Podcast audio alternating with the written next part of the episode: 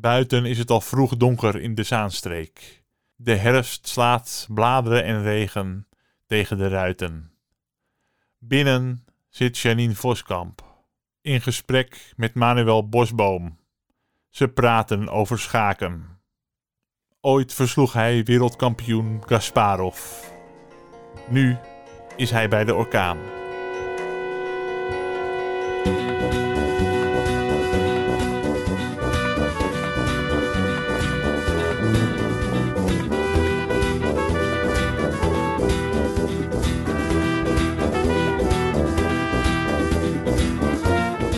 Zijn er klaar voor en we zitten hier met Manuel Bosboom, de schaker. Inderdaad. Want wij gaan voor de orgaan gaan wij een podcast maken. Naar aanleiding van het verschijnen van zijn boek The Chess Buccaneer. Daar heeft iedereen natuurlijk al van gehoord. We zitten hier trouwens ook met onze geluidsman of geluidstechnicus, expert Edwin Kleijs. Welkom ook in mijn nederige stulp, want we zitten in mijn stulp. Ben benieuwd. Ik ook. Ik ook. Wij ook. Ik wil even iets zeggen voor wij met het gesprek of de ontstreepje moeting beginnen. Want ik vind het een beetje raar om dat niet te zeggen. Manuel en ik kennen elkaar al he- heel lang. En ik zat een beetje te worstelen met hoe ik dat moest gaan doen.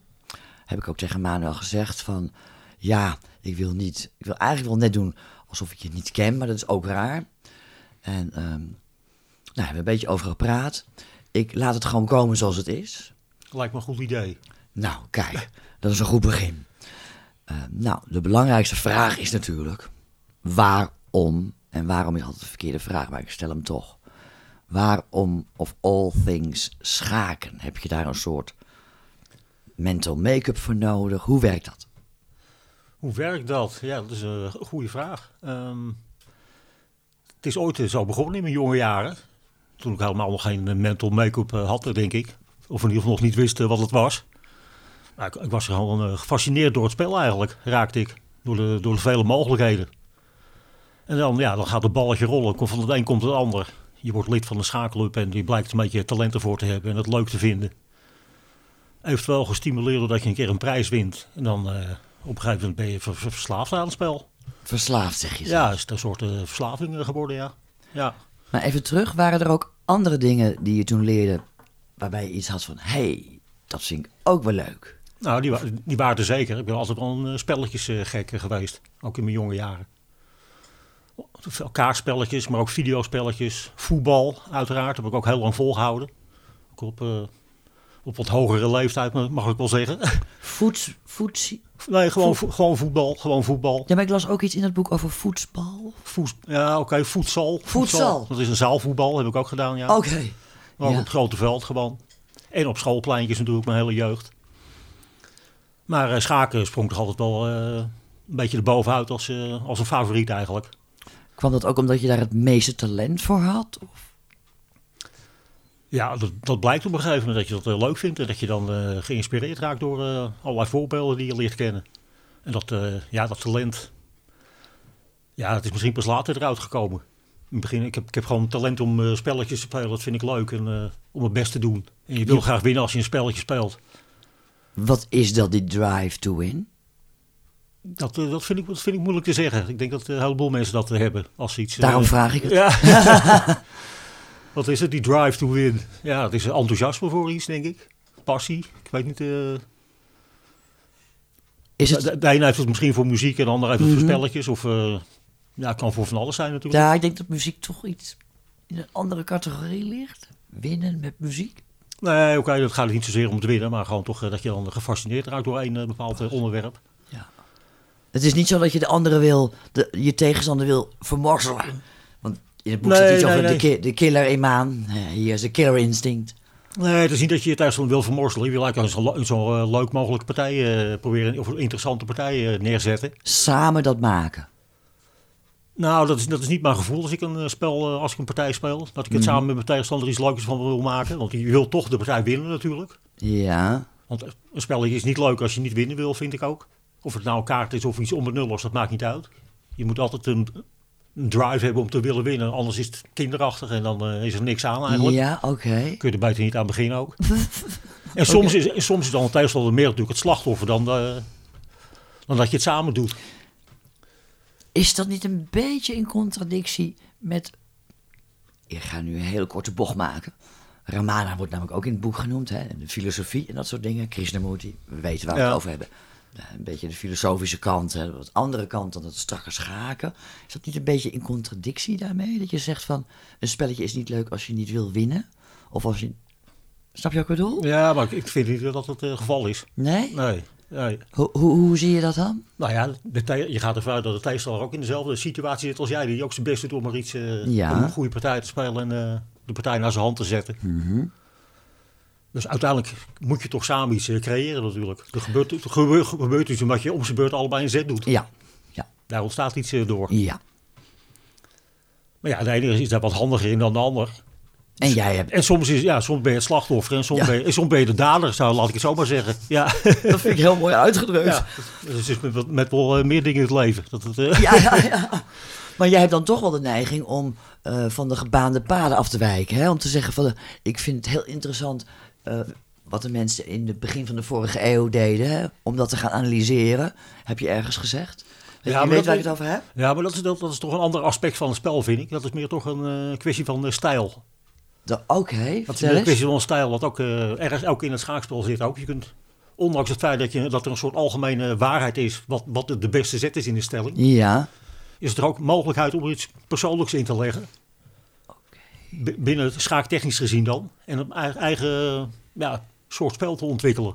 dat is toch wel een beetje jouw ehm forte geworden, hè? Ja, dat is wel een beetje een soort handelsmerk voor mij geworden. Door Ja. altijd iets eh, geks te proberen en een beetje af te wijken. Maar ook, Maar je ontkomt nooit natuurlijk aan de algeheel eh, geldende richtlijnen natuurlijk voor het spel.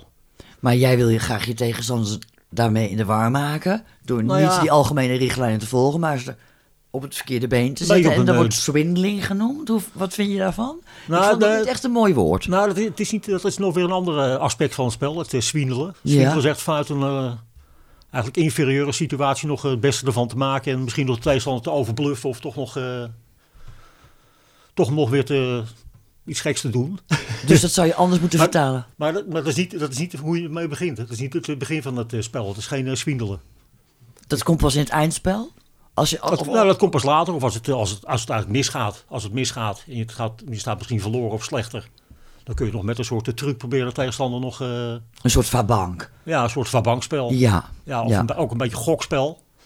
Maar dat is niet mijn algemene insteek. Ik begin niet meteen met gokken. Ik Nee. probeer het wel gewoon strategisch aan te pakken en iets goeds eh, te doen. Het is niet zo als de tegenstander een standaard set doet eh, van Gambit of weet ik veel. Dat jij dan denkt van, hé, hey, ik ga nu meteen in de eerste set met een totaal verrassende, andere, niet gangbare set antwoorden. Dat is het niet. Dat Dat, heb, dat is het niet, maar tot op zekere hoogte is dat wel mogelijk dat je dat doet. heb je dat wel eens gedaan? Ja, natuurlijk. Het eh, boek staat vol met de dingen En die, hoe- eh, die, dan, die misschien niet eerder gedaan zijn door andere spelers. Ja, ik zal je eerlijk zeggen, ik heb niet alle diagrammen bestudeerd. Alleen die van jou tegen de computer, maar daar hebben we het straks nog over. Je, dus je hebt dat gedaan. En hoe is dat verlopen? Nou ja, zo, ik, over het algemeen vind ik dat de resultaten er zeer eh, bemoedigend eh, bij, bij zijn, vind ik. Echt waar? Ja, ik, ik zei laatst ook nog eh, in een ander eh, interview. Ik vind dat je soms één gekke zet moet doen in het begin. Ja. de tegenstander eh, ja, dus zelf, zelf een keuzes te laten maken. En daarna weer zo normaal mogelijk moet proberen verder te spelen. Maar tegelijkertijd heb ik ook een soort romantische inslag. Ja. Want vroeger werd er op een hele romantische manier gespeeld door veel stukken te offeren en heel aanvallend te spelen. En te kijken of je tegenstander met een soort eh, overbluffende stijl weg kunt eh, vagen. En dat is dan, soms is dat eh, mogelijk. En soms eh, faalt het ook helemaal jammerlijk. Omdat je dan toch eh, te optimistisch bent of te veel risico neemt. Of, eh, Overschatting. of toch dat een, diegene gekke zet misschien toch net te veel van het goede is. Ja. Dus soms gaat het gruwelijk mis. Nou ja, als, het, als het wel lukt, dan, is er, dan staat er iets heel eh, fantastisch. Dan, heb je Dan een- ben je de zevende hemel. nou ja, dan speel je hier van een hele mooie partij. Of Ja. iets heel geks op het bord wat niet eerder gebeurd is. En dat, is- dat is voor mij ook wel de charme van het spel. Mhm. Want wat we tegenwoordig veel zien, dat is toch ook heel eh, saaie, uitgekoude partijen. Ook op hoog niveau. Wat bedoel je met saai en Nou uitgekomen? ja, dat alles al eerder al gedaan is. Ja, de ja, eerste dat- 20 of de eerste 30 zetten die allemaal al bekend zijn. Dat was wat mij altijd tegenstond, ja. En dat staat, mij, dat staat mij ook tegen. Ja. Ja. dus dan probeer ik daarvan af te wijken op een of andere manier. En dan moet het tegenstander zelf zien eh, dat, hij, dat hij, hoe hij daarmee omgaat. Want als je het zo speelt zoals jij dat omschrijft, hè, die eerste 30 zetten, dan is dat eigenlijk bijna al eh, robotschaak. Computers, ja, zeggen. computerschaak. zeggen, ja. Mag ik natuurlijk niet zeggen, maar je snapt wat ik bedoel. Het is wat, spelen- wat de mensen onthouden inderdaad, Ja. hoe ze spelen moeten, ja. Het is allemaal theorie, hè, zoals we dan zeggen in Ja, uit je hoofd leren. Ja. Heb jij wel eens gehoord van tegenstanders dat die achteraf tegen jou zeiden... Nou, jij antwoordde op mijn standaard opening met zo'n debiele tegenzet... dat ik helemaal de weg kwijt was. Ik moest heel lang denken of whatever. Heb je wel eens gehoord van mensen, tegenstanders... wat er dan in hun hoofd omging, wat ze dachten Nou, over niet, jou? niet dat ze, wat er in hun hoofd omging eh, per se, maar wel dat ze dan eh, soms zich zelfs beledigd voelen door sommige zetten. Ja, dat bedoel ik, Dat, ja. dat, dat gebeurt inderdaad, Ja. ja. ja. als, ik- als je dat hoort of als je dat merkt, dan is het al, eh, beschouw ik het al als een soort succes eigenlijk. voor, voor mij dan. Dat de tegenstander dat zo ervaart. Ja, Zo, heb ik ook die opzet heb ik ook omgezet. Omdat ze dus denken, ja, dat kan eigenlijk niet of dat mag niet volgens de heersende theorieën. En om dan toch te doen, dat is een soort kijk. klap in het gezicht van de tegenstander eigenlijk. Maar Kijk, kijk nou eens, ik kan deze zet permitteren tegen jou. Kijk, zie maar hoe je het eh, weer legt of hoe je daarmee omgaat. en daar zit ook het beledigende aspect in, denk je? Dat je hun Nou ja, niet dat- valideert als... Nou ja, niet dat je hun invalideert, maar dat ze toch eh, ja, daar, daar moeite mee hebben. In ieder geval dat ze het niet gewend zijn dat iemand zo speelt. Heb je het wel eens gehad dat mensen tegen jou zoiets deden? Dat gebeurt ook, maar ik, ik heb daar verder geen moeite mee. Ik, vind, ik zie dit niet als een bezwaar of een, probleem. Nee. Maar andere mensen die meer eh, dogmatisch zijn qua eh, schaakkennis, ja, die hebben daar vaak eh, moeite mee als je gekke dingen eh, uitprobeert. Of ook als je misschien materiaal offert en ze moeten verdedigen en dan eh, jij een aanvallende positie inneemt. Ja, dat is dan ongebruikelijk en dan kunnen ze slechter mee omgaan dan met de normale eh, theoretische dingen. En, en die, die, die, die, die, die standaard antwoorden, Ja. of, hè, is dat veranderd door de komst van de schaakcomputer? Of anders gezegd, in hoeverre is het veranderd daardoor? Nou, het is zeker eh, veranderd, ja.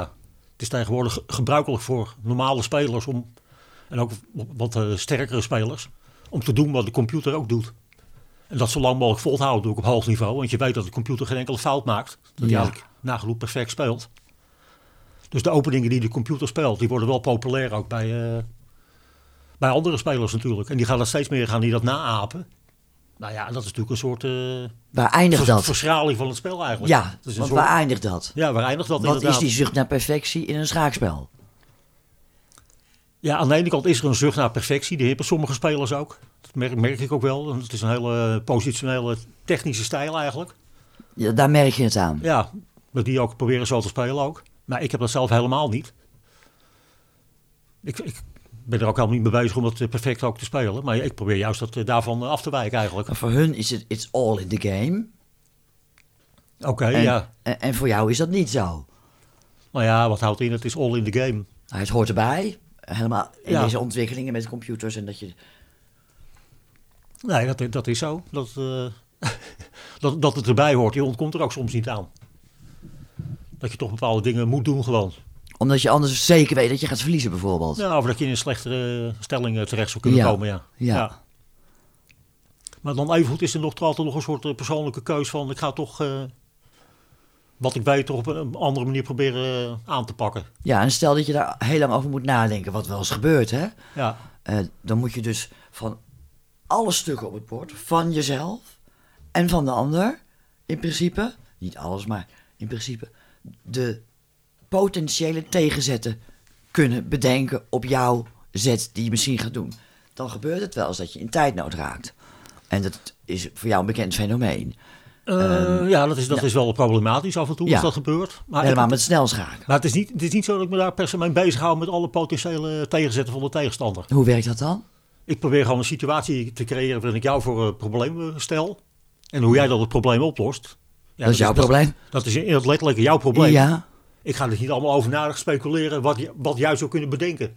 Ik doe gewoon zetten waarvan ik denk dat ziet er goed uit.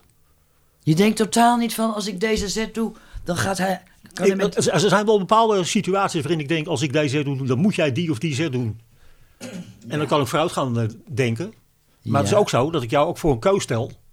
En dat ik denk, nou ik wacht nu gewoon af welke zet jij doet. Ik kan toch niet alle mogelijkheden berekenen Mhm. van tevoren. En dan reageer ik pas als jij een zet doet. Dan ga ik ook weer verder kijken.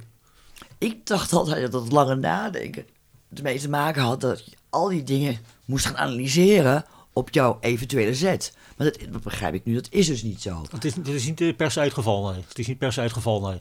Je bent Je, hebt- je hebt ook een soort algemene ideeën. En als je die volgt, ja, dan kun je die gewoon, bepaalde zetten kun je gewoon eigenlijk uit je losse pols op het bord, eh, op het bord gooien. Maar het gebeurt wel eens, dat zie je ook wel eens op in Wijk aan Zee of op tv met een partij. Dat mensen soms drie kwartier, Ja, en soms staan ze nog even op. ja, En ze, je ziet dat ze gekweld bijna rondlopen.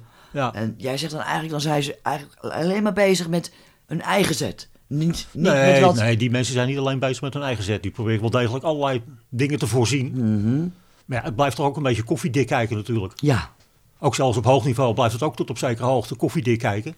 Want je kunt helemaal niet alles berekenen en vooruit eh, zien. nee, nee. Dan zou ik wel helemaal wel kunnen stoppen met het spel. Maar stel, hè, we Ja. komen wel daaraan. En je let ook niet op de klok, want je zit helemaal in die zone, van, hè, in de zone. Ja, En je komt in die tijdnood. Nou weet ik dat jij een liefhebber bent van het eindspel. Komt dat omdat een eindspel eigenlijk niet beschreven kan worden in boeken? Ja, je kan hem... Timman heeft er ook een in, boek over in geschreven. tegendeel. In tegendeel. Ja, nee, ik bedoel, je kan wel over het, het eindspel schrijven, maar je kan niet, net als het begin van een schaakspel, zeggen van, nou, op deze ah, H2, H4, ik noem maar wat, Ja. eh, wordt dat geantwoord. Eh, dat kan niet bij het eindspel. Maar het is, juist, het is juist makkelijker bij het eindspel. Dat het juist wel eh, kan. En, en ook zelfs de, zeker de computers, die hebben bijvoorbeeld alle stellingen met zes of zeven stukken en minder. Die zijn allemaal al eh, doorgerekend. Echt Tot, tot, tot, tot het eind aan toe. Als jij een willekeurige stelling op het bord zet met zeven stukken, welke stuk, met, wel met twee koningen erbij uiteraard, en dan vijf willekeurige stukken, kan een computer in één seconde zeggen hoe het afloopt. Als beide partijen perfect eh, spelen. Dat is ook gaar. Ja, dat is ook ongelooflijk gek, maar dat is, eh, dat is een soort achteruitrekenen. Ja. Je kan vanuit de beginstelling naar voren Ja. rekenen, maar je kan ook vanaf, vanaf- vanuit het einde terug naar voren rekenen. En En, ik, en die computers zijn zo sterk tegenwoordig, dat ze juist alles al kunnen berekenen. Met, twee, met drie stukken en vier en vijf en zes en nu ook nog met zeven zelfs. Wat Dus dan wordt het juist makkelijker op het eind. Mhm. Maar de tijdnoodfase, waar je het eerst over Ja. had, dat is niet per se ook het eind, het eind van het spel. Dat is, vaak zit je dan nog in het middenspel. Oké. Dan het eindspel komt nog weer later. Maar ja, als je in het middenspel al een En wat ook, wat, achterstand hebt opgebouwd. ja, maar wat ook nog tegenwoordig zo is, je hebt een bepaald eh, speltempo. Je doet bijvoorbeeld een 40 zetten in twee uur. Mhm. En daarna krijg je weer extra tijd erbij. Oh ja, klopt. Ja. En dan ook zelfs nu nog met de klok is er weer een soort nieuwe regel dat je per zet zelfs tijd erbij krijgt. Op het moment dat jij de- je eigen klok indrukt, Ja. krijg je bijvoorbeeld een halve minuut erbij. Vanaf het middenspel? Of, of... Nee, vanaf zet 1, vanaf het begin al. Dus dan, dan, dan kan het echt wel vijf, zes uur duren. Nou ja, dan begin je met iets minder tijd dan gebruikelijk. Ja. Vroeger waren het 40 zetten in twee uur. En dan krijg je er nog daarna weer een half uur erbij. Mhm.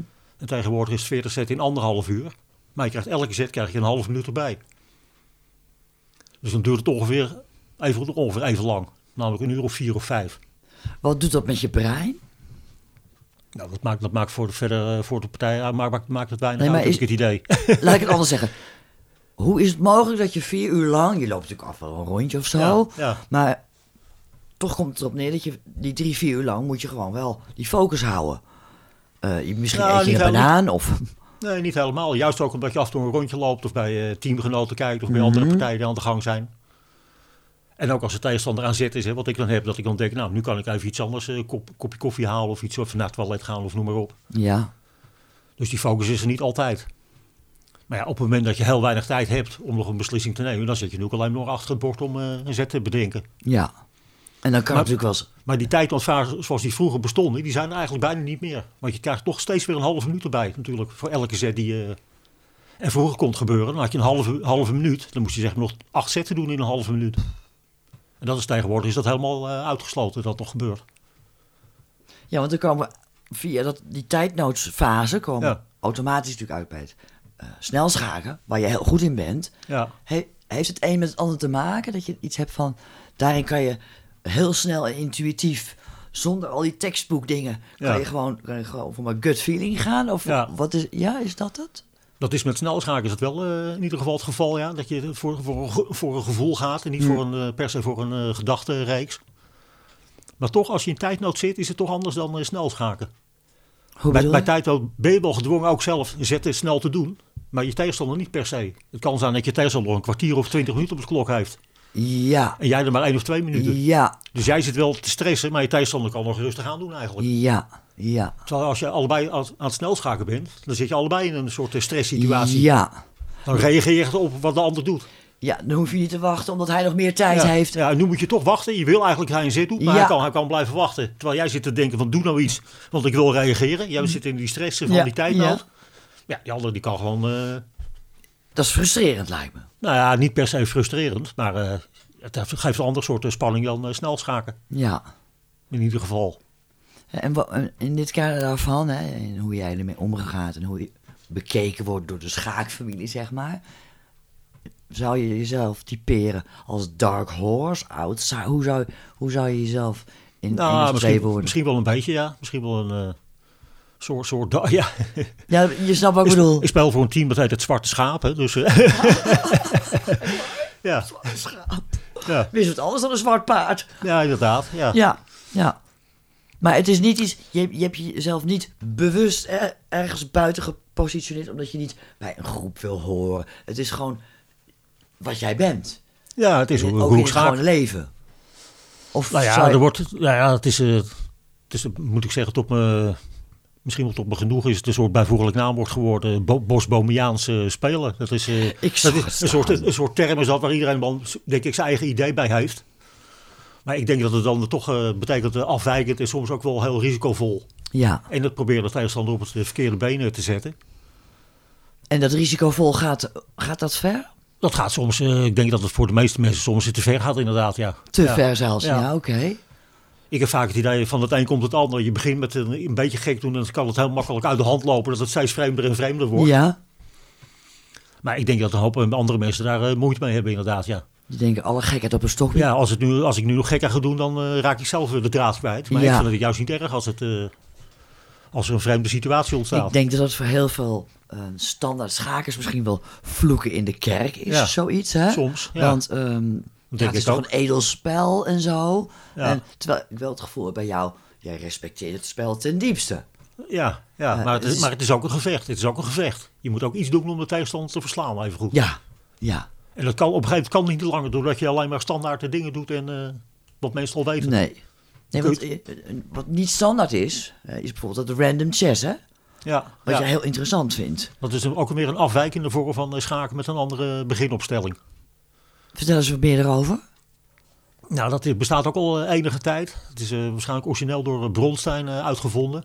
Wie is Bronstein? Nou, het is iemand die net, net geen wereldkampioen is geworden. Is het een Rus? Ja. Ja, ik was ook een Russische speler. Was Was het in de tijd van Karpov? Nee, in de tijd van Botwinnik. Oh, dat is nog verder terug. Ja, nog verder terug, ja. Wow. En later is het ook een Fischer eh, random geno- genoemd, ook dat spel. Fischer had het ook een idee om, dat, eh, om die theorie juist te vermijden. Die dacht ook al, al die Russen zijn altijd bezig zeg maar, voor te bereiden op een bepaalde manier met die openingen. Ja, al die standaard dingen, ja. En dat wilde Fischer ook niet. Maar die Bronstein wilde dat ook niet. Die zei, we gaan gewoon de opstellingen anders maken. De beginopstelling. Dat gaan we dan, eh, door loting gaan we dan bepalen hoe de stukken staan. Wel symmetrisch. En dan gaan we daarna gewoon een partij spelen. Maar dan torn je in feite aan de wortels van het spel, hè? Abs- absoluut, Want het absoluut. is ontstaan in Perzië, geloof ik, hè? Nou ja, de, Als- de- het, is, het, is, het is langzamer, maar zeker ontstaan zoals we het nu kennen. Er zijn ook eh, al eeuwen overheen gegaan.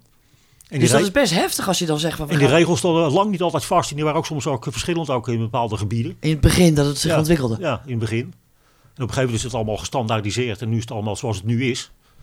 Ja, het is net als met voetbal dat je zegt, we gaan de buitenspelregel afschaffen. Zo, wou zo, dergelijks is ja, het eigenlijk. Ja, ja. Je zegt, gaan we gaan het wel heel anders niet. aanpakken. Dat kan niet. Het is Des, best... desalniettemin zijn er ook op wereldniveau, op hoog niveau, zijn er al kampioenschappen en toernooien gespeeld met die manier. Met die random chess. Met random chess. En over het algemeen zijn spelers daar toch eh, enthousiast over. Toch wel? Ook Ja. de, de, de, gewoon je standaard schaker, zeg maar. Zijn er ook WK's in dan? Of hoe? Voor mij zijn er ook al WK's in geweest, ja. ja. Maar daar heb jij niet aan meegedaan. Ik heb daar niet aan meegedaan. Nee. Nee, Wel aan het. Nederlands kampioenschap. Ja, in heel Met veel ran- nee, met random chess. Met Oh. random chess.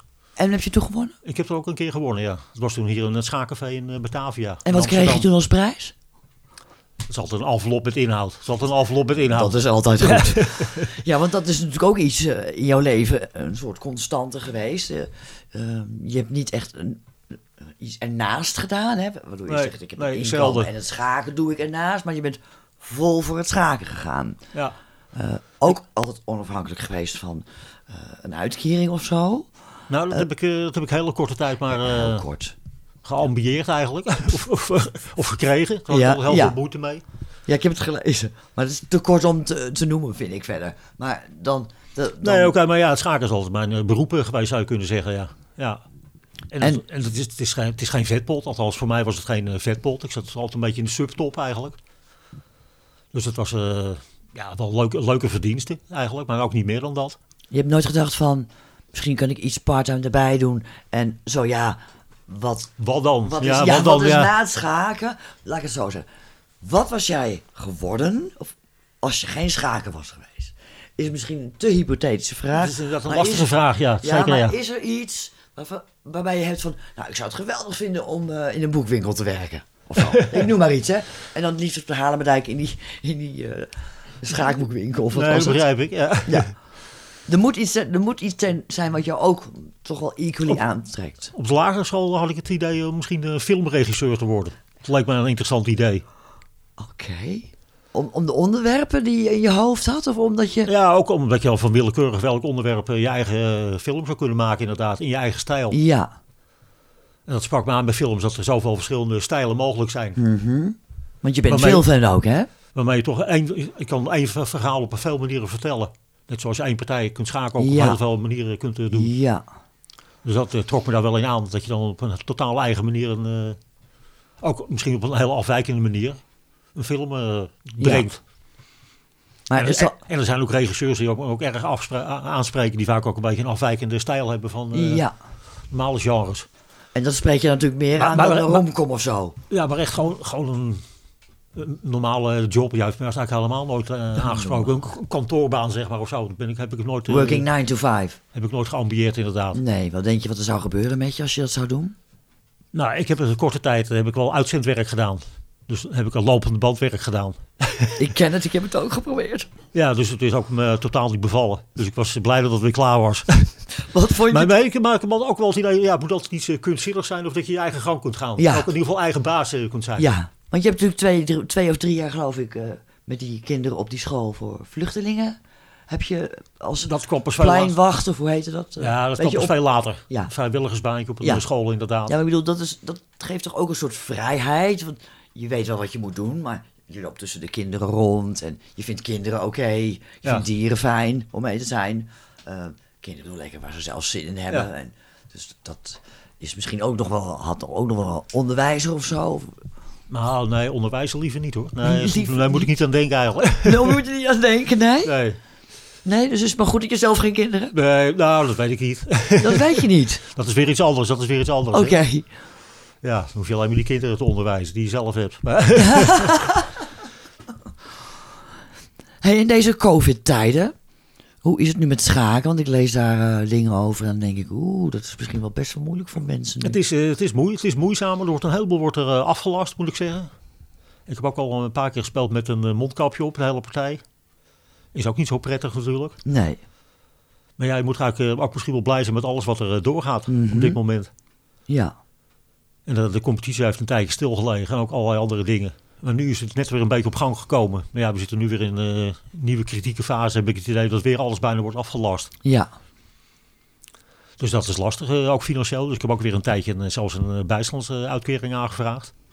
In het kader van eh Ja, in de het kader van die overheid van het- gaf voor dat soort dingen. Ja, ja, wel in dat kader. Maar die subsidie ben- heb ik ook weer misgelopen. Dus ik kwam toch weer... eh, Tozo of zo, dat ja, de. Ja. Tozo. Ja. Is ook weer afgeketst door allerlei lullige dingetjes. En je moet ook voor alles invullen dan, hè? Je moet ongelooflijk veel dingen moet je invullen, ja. ja. Ja, dus, eh, nou, dat eh, vind ik altijd heel eh, lastig. En sowieso het hele bureaucratische aspect. Dat heeft altijd tegengestaan eigenlijk. Daar wil je zo weinig Ja, wil mogelijk zo weinig mogelijk aan doen eigenlijk, ja. Hey, Er moeten, moeten kinderen. andere, andere mensen dat maar doen voorbij. Ja, ja. die, je hebt een tijdje les gegeven ook, hè? Of doe je dat nog steeds? Aan kinderen van schaken bedoel ik, hè? Nou, dat heb ik eigenlijk heel weinig gedaan. Ik dacht dat je een paar keer... eh, Ik heb, ik, heb, ik heb wel eens wat les gegeven. Enkele keer doe ik het wel eens. ja, Maar ik ben er niet eh, echt eh, voor in de wier gelegd, heb ik het idee. En als ik het doe, dan doe ik het liever met volwassenen die al een bepaald niveau hebben. oh ja. Dat vind ik toch makkelijker dan, dan het voor kinderen doen. Vind je het moeilijk om het uit te leggen? Of is het te ingewikkeld om het in kindertaal Ja, het, uit het, het is, het is moeilijk om het uit te leggen, ja. Ja, Je moet er, voor- voor- die voor- ander voor- moet er al een feeling voor hebben. ja voor jezelf neem je ook dingen aan, een heleboel dingen aan voor, eh, vanzelfsprekend. Terwijl juist die dingen moet je juist uitleggen. Ja, Ja, en dat Klopt. is lastig. Dat is lastig. Klopt. Dat is lastig. ja. Om juist de meest eenvoudige dingen waarvan je denkt, nou dat weet eigenlijk iedereen al. Mhm. Die weten ze juist misschien helemaal juist niet. Nee. Dus dat is moeilijk. Dat kun je dan beter, eh, andere mensen, die zijn er beter in dan ik, vind ik zelf.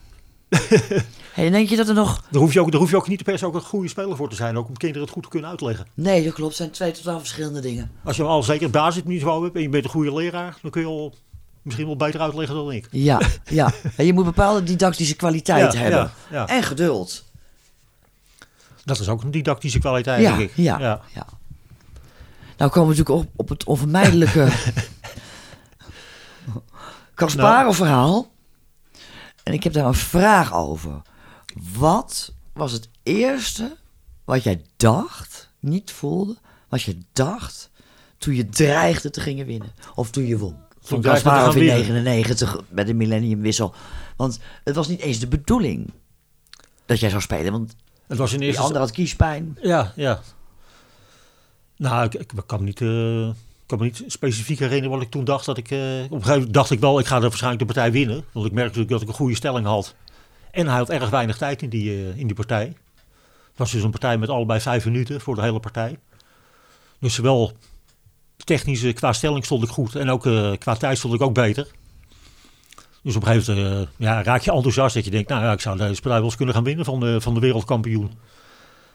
Maar ja, er deden allerlei wereldkampioenen dat toernooi mee. Hij was natuurlijk wel de grootste naam die eraan meedeed. Maar er deden ook andere grote namen mee, als eh, Anand en Kramnik. Dat waren ook wereldkampioenen. Of ze moesten het nog worden, of ze waren het ook al geweest. Of Topalov. Dus ja, eh, het, het was ook niet zo, Ik had niet zo'n heel bijzonder eh, gevoel eigenlijk erbij van. Ik heb nu iets heel geks gedaan. Dat was, eh, ja, ik- wat ook misschien in het boek staat, een van de vele partijtjes tegen een hele sterke speler. En omdat ik goed ben in snelschaken. En ook gewend was daar veel mee te winnen. Ja, denk je ook, ik heb gewoon een kans tegen zo'n man. Ik kan hem ook wel eh, verslaan. Dat was ook niet de enige partij die ik won in dat toernooi. Ik heb ook nog andere hele sterke spelers eh, verslagen. Maar je had geen last van choking. Nee, helemaal niet. Totaal Ik niet. had helemaal niet van, nou, oké, het is nu, eh, nu wordt het eng. Of ik, Ja, ik, ik, oh, ik, dreig nu de moeten- wereld, ik dreig nu te gaan winnen of zo. Ik ben toch heel gefocust. Wat ik het altijd met snelschaken heb. Mhm. Ja, en op een gegeven moment is het voorbij. Je, zit, je, zit daar, je bent gefocust tot het voorbij is. Ja, en dan daarna ja, moet het ook nog een beetje bezinken voordat je denkt, oh, ik heb een wereldkampioen te verslaan. Ja. Dat, is, eh, dat, dat kwartje valt niet meteen dan daarna. Je bent toch ook technisch met, met een partij bezig? Of eh, had ik het nog beter kunnen doen? Of hoe ging het ook weer? Of eh, ja, en opeens word je gefeliciteerd en dan... ja, dan, dan denk je pas, oh ja, ik heb, Dan de wereld- ik heb, ik de wereldkampioen verslagen. Maar ja, dan Mhm. denk je nog, zo wat, eh, het, is, het is wel zo, ja. Zo wat, goed nummer bij Miles Davis, denk je dan. ja. Maar komt er ooit nog een kans voor hem op revanche? Ah, dat zou, eh, is zeker mogelijk, ja. ja dat Echt waar? Ja, nou, dat zou kunnen inderdaad. Hij is ja. natuurlijk heel politiek bezig nu, hè? Hij is heel politiek bezig, maar hij, hij schaakt ook af en toe nog. Hij doet ook af en toe weer eh, mee aan eh toernooitjes in Oh, ja? Amerika. Amerikaans kampioenschap. Kun je allemaal opzoeken op internet tegenwoordig. Ja. Hoe het allemaal gaat. En hoe hij, hoe hij is. Ook, hoe hij is, ook achter het bord. Hij is ook meestal erg bewegelijk en uitbundig en Oh, met veel mimiek. Vinden sommigen ook niet altijd fijn, hè? Helemaal niet. Hij speelde ook laatst tegen een hele beroemde partij tegen eh, Nakamura. Ja. Dat is ook een van de beste spelers ter wereld. Ook een van de beste snelschakers ter wereld. Naast Carlsen. En toen, ook in die partij eh, gebeurde ook iets heel geks. Hij pakte een stuk beter en hij liet het los, Kasparov. En daarna pakte hij het stuk weer beter en deed toch een andere zet. Oh, dat heb ik gehoord, ja. En dat is ook allemaal op film vastgelegd. Hè? Ja. Dat gaat met enorm veel mimiek gaat het allemaal gepaard. Dat mag eigenlijk niet, hè, wat je nu mag, zegt. mag Dat helemaal, niet. Mag helemaal niet. Mag helemaal niet. Maar die Nakamura die accepteerde het toch ook. Hè? Even goed, die zag wat er gebeurde. En die, die keek om zich heen van eh, wat is dit? En eh speelde toch al de partij Hij verder. zag dat het echt een foutje was. Ja, natuurlijk. Hij zag dat het niet mocht. En dan dacht ik, nou, dat kan eigenlijk niet. Maar hij speelde Nee. toch gewoon verder en hij accepteerde het en het werd remise.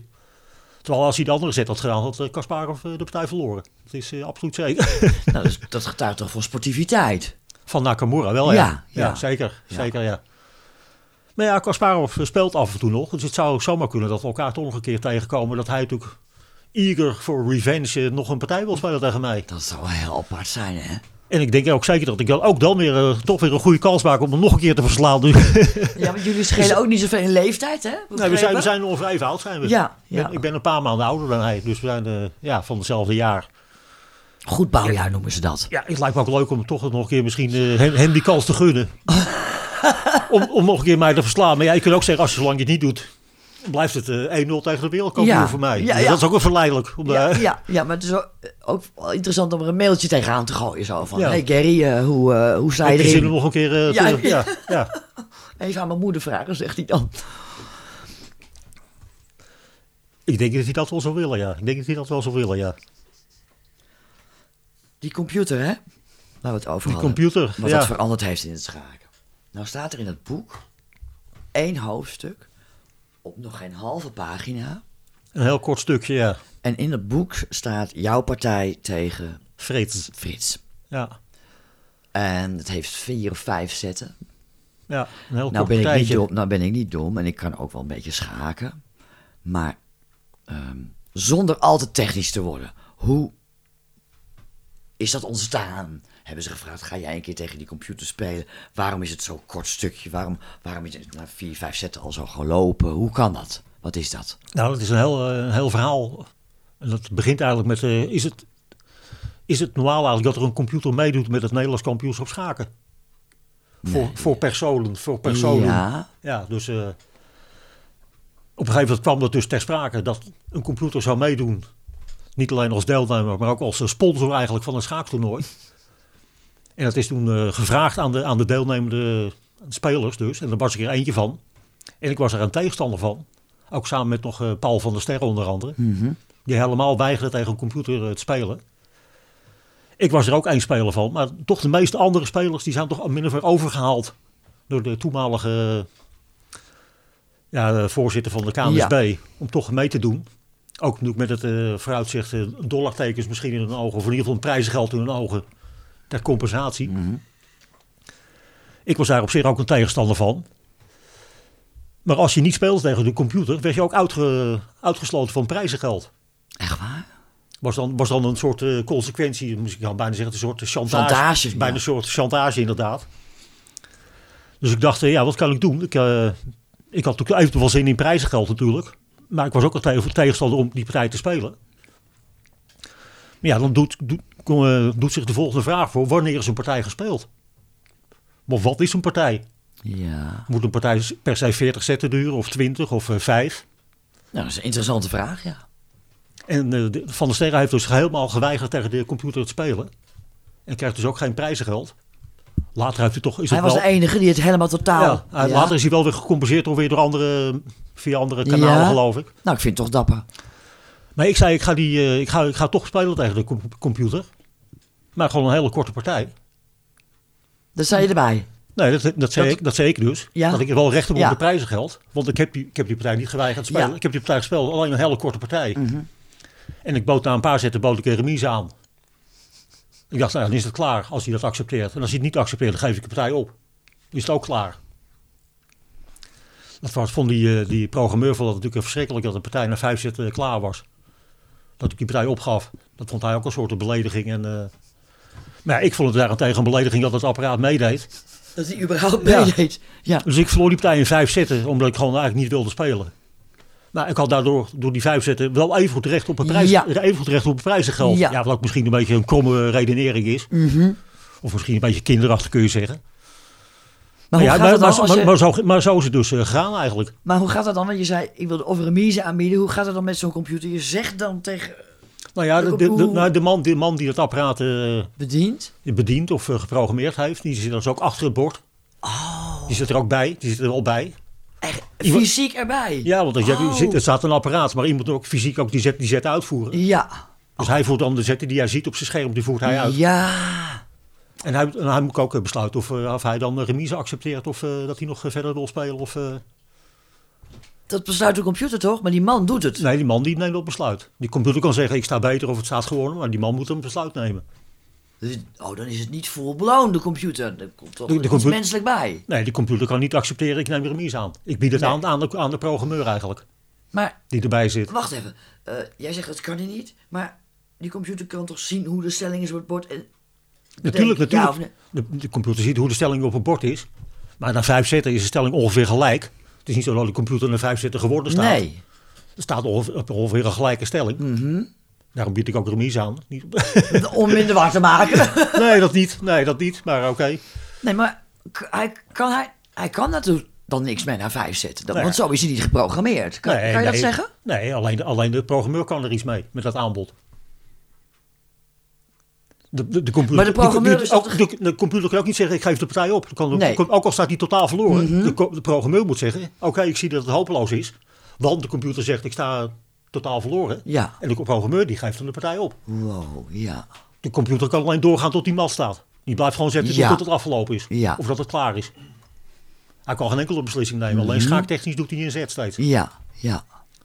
Dus het, het gaat verder via de programmeur die erbij zit. Dus het is ook heel afhankelijk van wie de programmeur is. Of die een ondernemende Ja, stijl heeft. Of Nou ja, nee, die, heeft- nee, die heeft helemaal geen stijl. Die heeft gewoon de stijl van de computer. De computer heeft een bepaalde stijl. En die programmeur dat doet gewoon wel de computer. eh, Ja, maar hij moet toch geprogrammeerd worden met software en moet, toch dingen ingevoerd worden? Dat, dat, is weer, dat is weer een heel andere, heel andere kwestie. oh, oké. Er zijn namelijk spelers die helemaal niet zo goed kunnen schaken, maar die wel heel goed kunnen programmeren. En ook de beste computer, computers worden niet geprogrammeerd door hele sterke schakers per se, maar mensen die heel goed kunnen programmeren. Oké. Dus misschien wiskundigen net, of zo? Net, als de rekenmachientjes worden ook gemaakt door mensen die misschien wel niet eens tot twee kunnen tellen, maar die wel een rekenmachientje in elkaar kunnen zetten. Ja, En de ja. rekenmachientje, dat rekent dan. Ja, ja. Oké. Maar ja, er moet iemand zijn die zo'n apparaat bedient natuurlijk. Even Ja, goed. ja. Je moet wel een stekker erin doen. ja, ja. Zeg, zeg maar, ja, of eruit halen. Of eruit halen, ja. Ik had het heel anders gevisualiseerd, maar er zit dus een fysiek iemand tegenover je, Ja. die zichzelf ook aangesproken of beledigd kan, Ja. kan zijn door hoe het gegaan is. Ja, zeker. Je dat nog En dat was ook zo, dat was ook zo. Ja, ja. nou hebben we het woord zich beledigd voelen al een paar keer langs zien komen. Heb jij nog gesproken met die programmeur daarna? Of elkaar een hand gegeven of whatever? Ehm, nou, in ieder geval voordat we partij beginnen, geven we natuurlijk al, altijd Ja. een hand. Dus het is, eh, en ik, ook, ook toen ik partij opgaf, heb ik ook wel een hand eh, gegeven. Hoewel het me niet specifiek eh, voor de geest staat. Maar ik heb, ik heb hem niet verder heel uitgebreid gesproken na de partij. Ook niet meer in de wandelgangen tegengekomen? Of... Nou, nee, niet, heel niet eh, ik heb niet uitgebreid gesproken met die man. Nee. Ik heb eigenlijk later gehoord van anderen dat hij wel eh, door, van de toernooileiding, van de organisatie, dat hij dat heel eh, vervelend vond allemaal.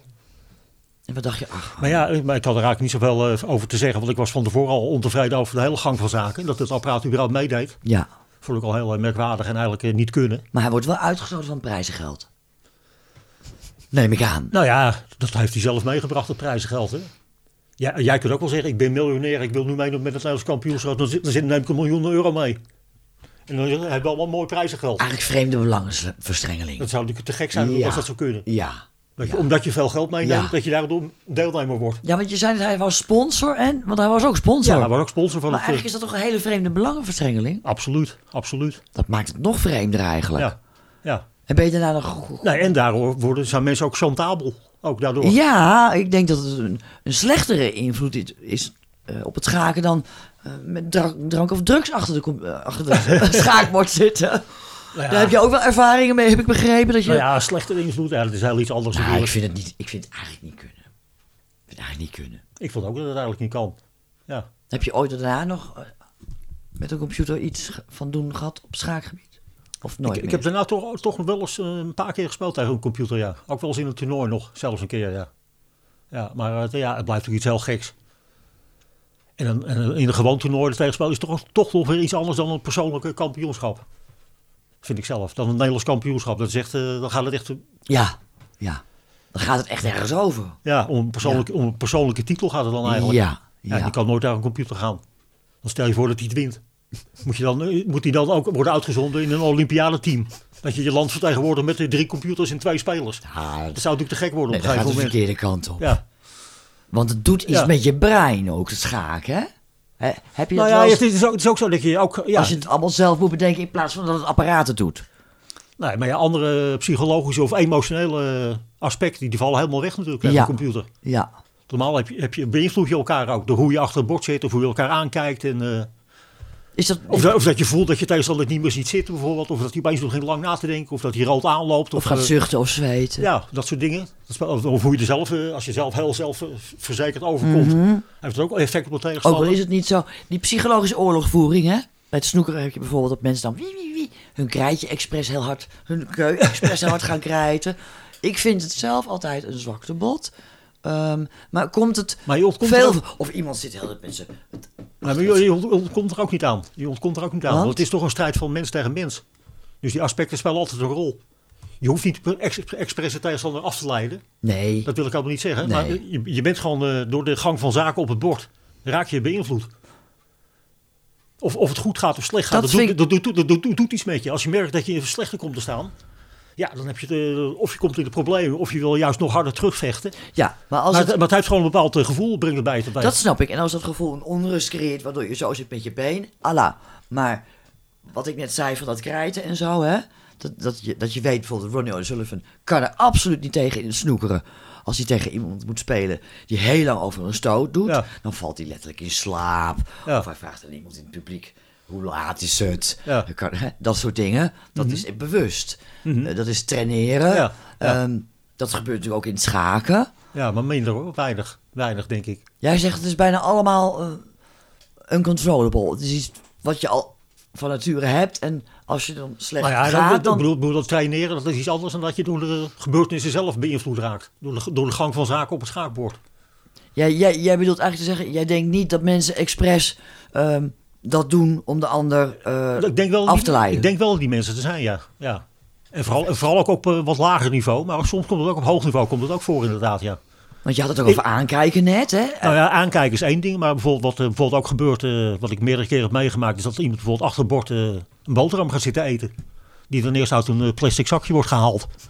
Wat dan met allerlei geknisper gepaard gaat. En met eh, smakgeluiden. En dan zeg ik er meteen iets van dat iemand dat niet doen mag. En sommige mensen vinden dat heel gek. Dat is een regel dat het niet mag. Dat, Nou, dan haal ik officieel? dat, ja, het is officieel dat het absoluut niet mag. Dat je de, de tegenstander beïnvloedt door dingen die niks met schaken te maken hebben.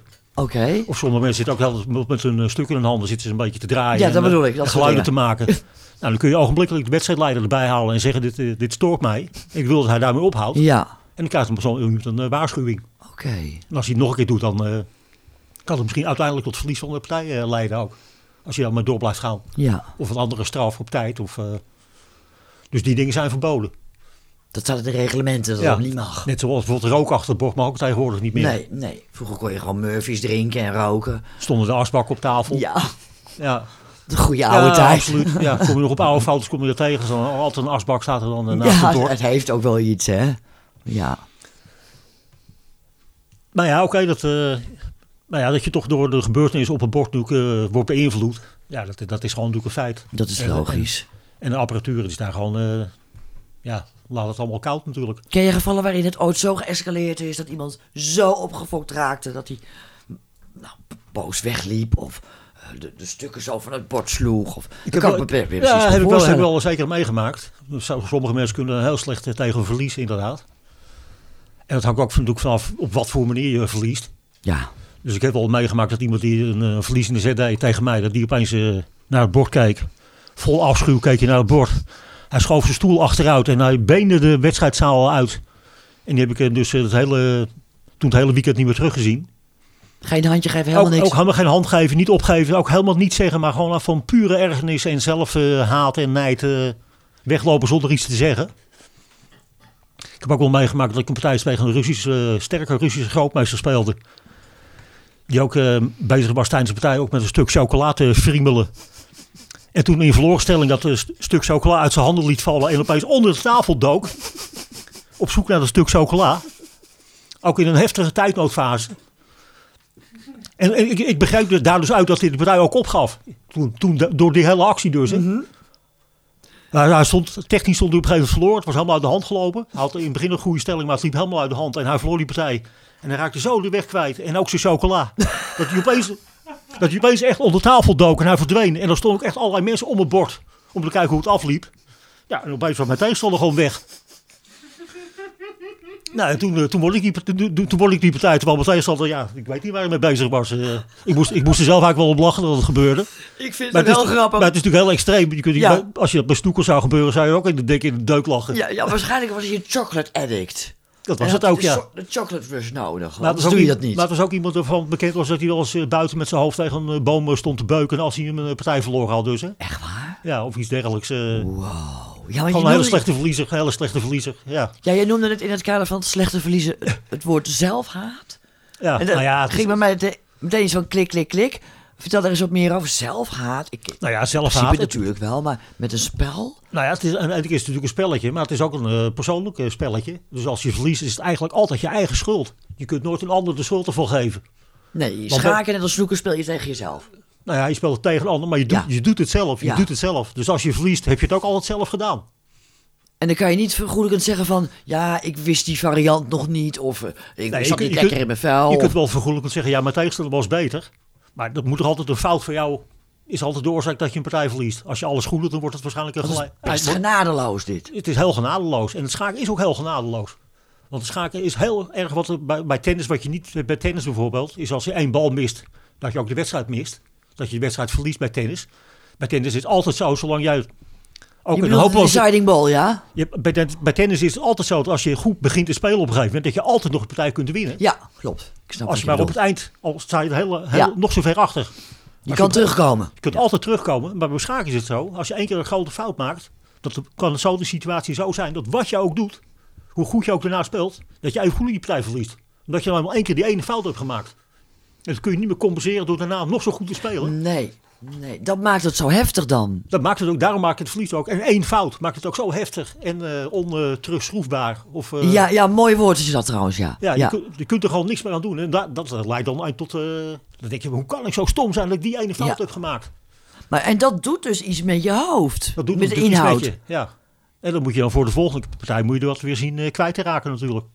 Ja, want Dan moet je, dan moet je weer frissen weer op helemaal opnieuw eh, weer beginnen. eh. dat is het moeilijkste. ja. Maar even terugkoppelen naar waar, we dit En, over en hadden. ook bijvoorbeeld een computer heeft daar natuurlijk totaal geen last van. Van dat soort... eh, Nee, nee. Maar dat maakt het voor mij juist emoties. minder aantrekkelijk.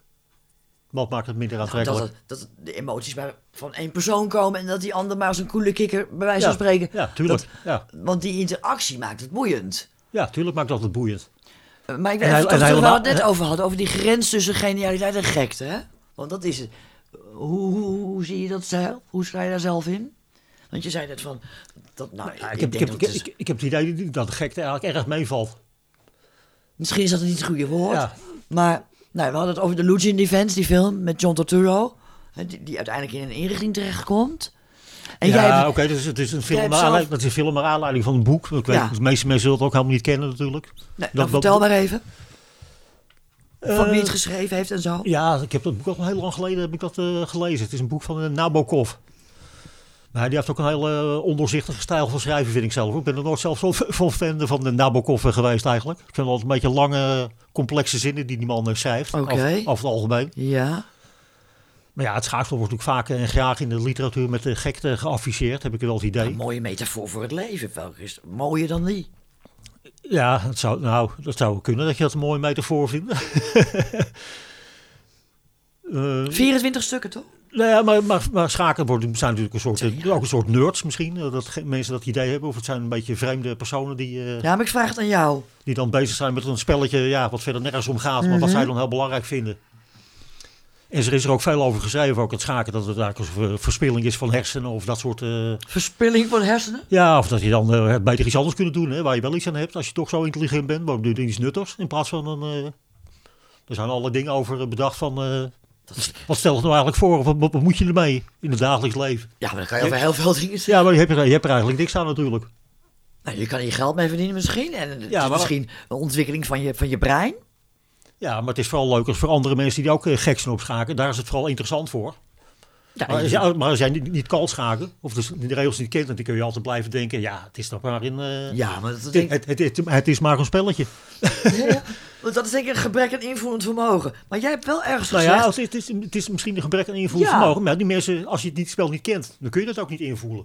Hoe dat is. En wat er allemaal bij komt kijken. Dat is ook heel moeilijk voor de buitenstaander om het in te voelen. Dus je ziet het ook als iets geks. Al, al Ja, sowieso je- al. Al sowieso al. Ja, maar dan, dan kan je altijd nog zeggen van... Nou, dan moet je eerst maar regels leren kennen. En dan moet je maar zeg- zeggen Ja. wat je ervan vindt. Want dan... Ja, maar dat is toch voor de meeste mensen dat een hele stap. En ook ook in het algemeen, voordat je de schoonheid van een schaakspel kan waarderen, Ja. moet je al eigenlijk al een zeker niveau hebben bereikt. En als je wil je dat niveau bereiken, dan moet je misschien wel één of twee jaar verder. Om dat echt te kunnen Ja. inzien hoe fantastisch en mooi het is en wat er allemaal in zit en hoe het allemaal functioneert.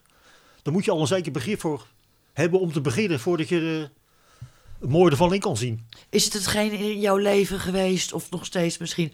wat jou het meeste... Ja, ik vind het een rotwoord. Geluk wou ik zeggen, maar ja, die kant op. Eh, wat jou het meest heeft gepleased? Wat, als je een rotdag had, dat je denkt van... maar gelukkig ga ik vanavond schaken of zo. Snap je wat ik bedoel? Nou, dat heb ik, dat heb ik er niet, nee. nee. Als, Nee? Je, als, je, als je een rotdag hebt, dan eh, schaak je ook misschien een rotpartij. dan zet je dat gewoon voort in het schaakspel. Dus het is niet jouw, jouw, jouw belangrijkste ding dat je, iets, dat je iets hebt. Dat heeft mij het meeste plezier, laat ik het zo zeggen. Plezier Nou, geschonken, heeft mij het meest gevormd als mens. Nou, gevormd als mens, dat gaat, gaat nog weer verder. Maar ik kan, ik kan er zeker eh, voldoening aan eh, beleven. Aan een, eh, mooi, aan een mooie partij spelen. En ook aan ja, hoe, hoe de partij zich ontwikkelt en hoe het... ja, als je, als je wint is het, natuurlijk, is, is het een beter gevoel dan als je verliest of als remise wordt. Maar remise kan ook een heel eh, aangenaam gevoel geven. Vooral hoe het, hoe het tot stand komt en hoe het allemaal ja, uiteindelijk eruit ziet. Ja, dat geeft wel zeker een voldoening. Helemaal als je natuurlijk eerst Maar, verloren maar, stelling maar, stond. geluk, maar gelukkig worden, dat is, eh, denk ik niet dat dat eh, een ambitie zou, zou moeten zijn eigenlijk. Nee, voldoening is genoeg. Ja, voldoening is genoeg. Of de manier waarop het gaat. Mhm. Niet het resultaat per se. Maar uiteindelijk ga je toch ook altijd weer partij verliezen natuurlijk. Zeker naarmate je weer ouder wordt. In het begin win je meer dan dat je verliest. Maar naarmate je ouder wordt verlies je weer meer Ja. dan je wint. Dus je komt altijd weer jezelf tegen. Maar je gaat niet Onderweg. zeggen, win, meedoen is belangrijker dan winnen. Dat ga je niet zeggen, hè? Dat ga je, dat ga je natuurlijk niet zeggen. Nee, Goed zo.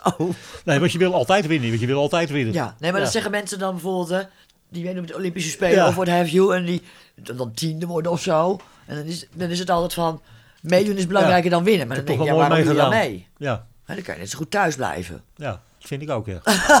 nee, dat is ook zo. Ik wil even nog terugkomen waar we het net over hadden. In het boek staat de echte wereld komt amper binnen, bij jou, doordat zijn geest zo gevormd is door het schaken. Dat staat er. Ik heb het vertaald natuurlijk. Ja, Vanuit, mhm. Het boek is in het Engels geschreven, even voor de luisteraar. Ehm, en jij, dat Ja, maar hoe bedoel je? De, Daarna norma- staat er- de normale wereld komt amper binnen, zei Ja, je dat? ja. Of de gewone de wereld? echte. De echte wereld, oké. Nou kunnen we een hele filosofische discussie houden, maar daar is de tijd nu niet voor. Nee, over wat is de echte wereld, wat is echt en wat is de wereld. Maar dat doen we niet. Eh, maar verderop zeggen ze ook dat jij het spel fysiek voelt. De lijnen van de stukken en zo. Ik dacht, misschien heb je daar zelf iets over te zeggen. Nou ja, over, hoe- over dat de wereld niet norm- gewoon binnenkomt. De wereld komt juist wel degelijk ook heel normaal binnen. Dus ik ben juist eh, altijd eh, een beetje beducht voor geweest dat ik me helemaal juist ging afzonderen en me alleen nog maar met schaken ging bezighouden.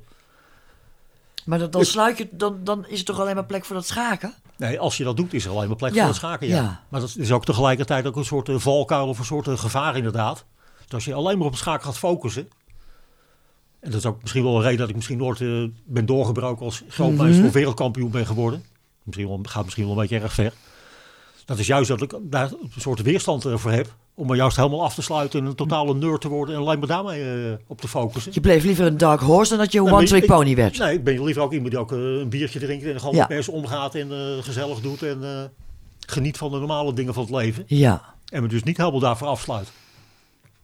Dus, dus En eigenlijk- dat, dat is ook, dat is ook, denk ik, kant die mensen ook sympathiek vinden van mij. Want een hoop andere schakers, die hebben dat wel. Ja, en dat, is, dat, spreekt Beetje- dat spreekt de, de amateur spreekt dat helemaal niet aan.